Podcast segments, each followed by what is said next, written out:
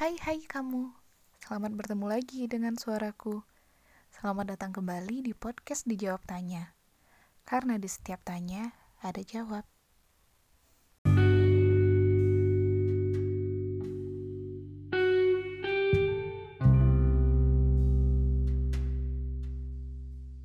Hai, apa kabar kamu hari ini?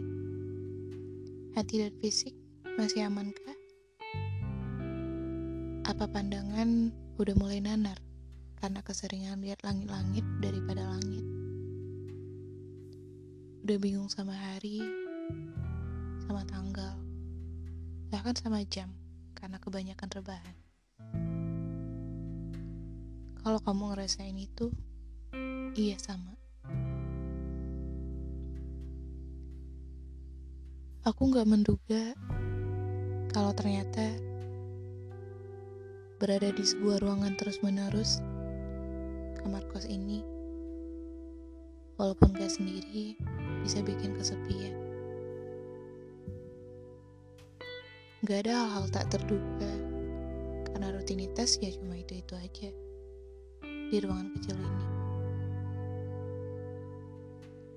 Gak ada excitement untuk hari esok, apalagi hidup. Jadinya kosong. Udah sering ngerasa kesepian dari dulu. Sejak karantina ini, ya makin sepi. Padahal ada keluarga di rumah. Tapi belum bisa membunuh sepinya. Aku sadar, aku butuh teman cerita. Berbagi. Mengeluh butuh seseorang yang bisa bersandar di bahunya kalau aku lagi capek.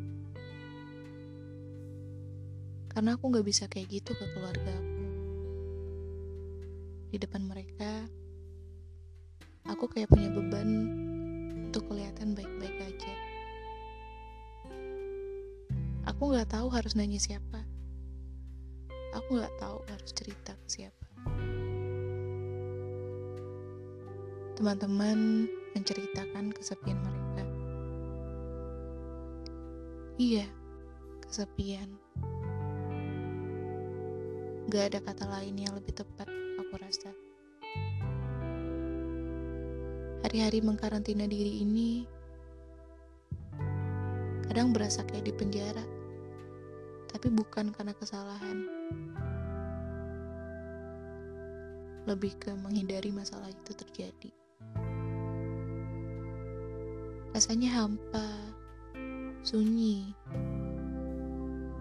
kayak nggak ada kehidupan sosial padahal enggak. Masih ada kok.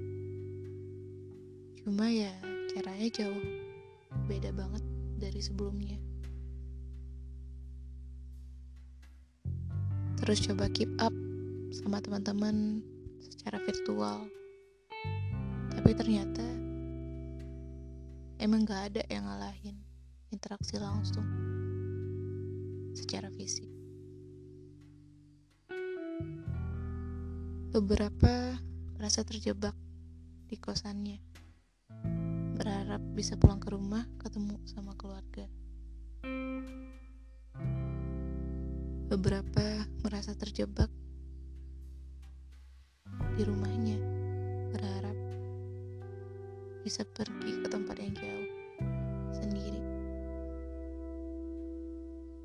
Beberapa bekerja dari rumah, merindukan suasana kantor. Beberapa masih harus rutin bekerja seperti biasa dengan perasaan was-was. Kesepian bukan tentang sendiri. Sendiri belum tentu merasa kesepian. Kesepian sudah pasti rasanya sendiri. Bahkan ada lirik lagu yang bilang, di dalam keramaian aku masih merasa sepi. Orang lain bukan solusi dari kesepian. Solusinya adalah orang yang mengerti. Bukan cuma itu, Gambaran hari-hari ke depannya pun mulai gak tentu. Ya emang pada dasarnya masa depan gak ada yang pasti. Tapi sekarang bahkan lebih kabur lagi. Udah usahain banyak cara buat ngisi perasaan sepi ini. Selalu jaga komunikasi sama teman-teman. Cari kegiatan yang bisa dikerjain di rumah. Belajar skill baru yang sebelumnya cuma ada di bayangan. Tapi tetap aja,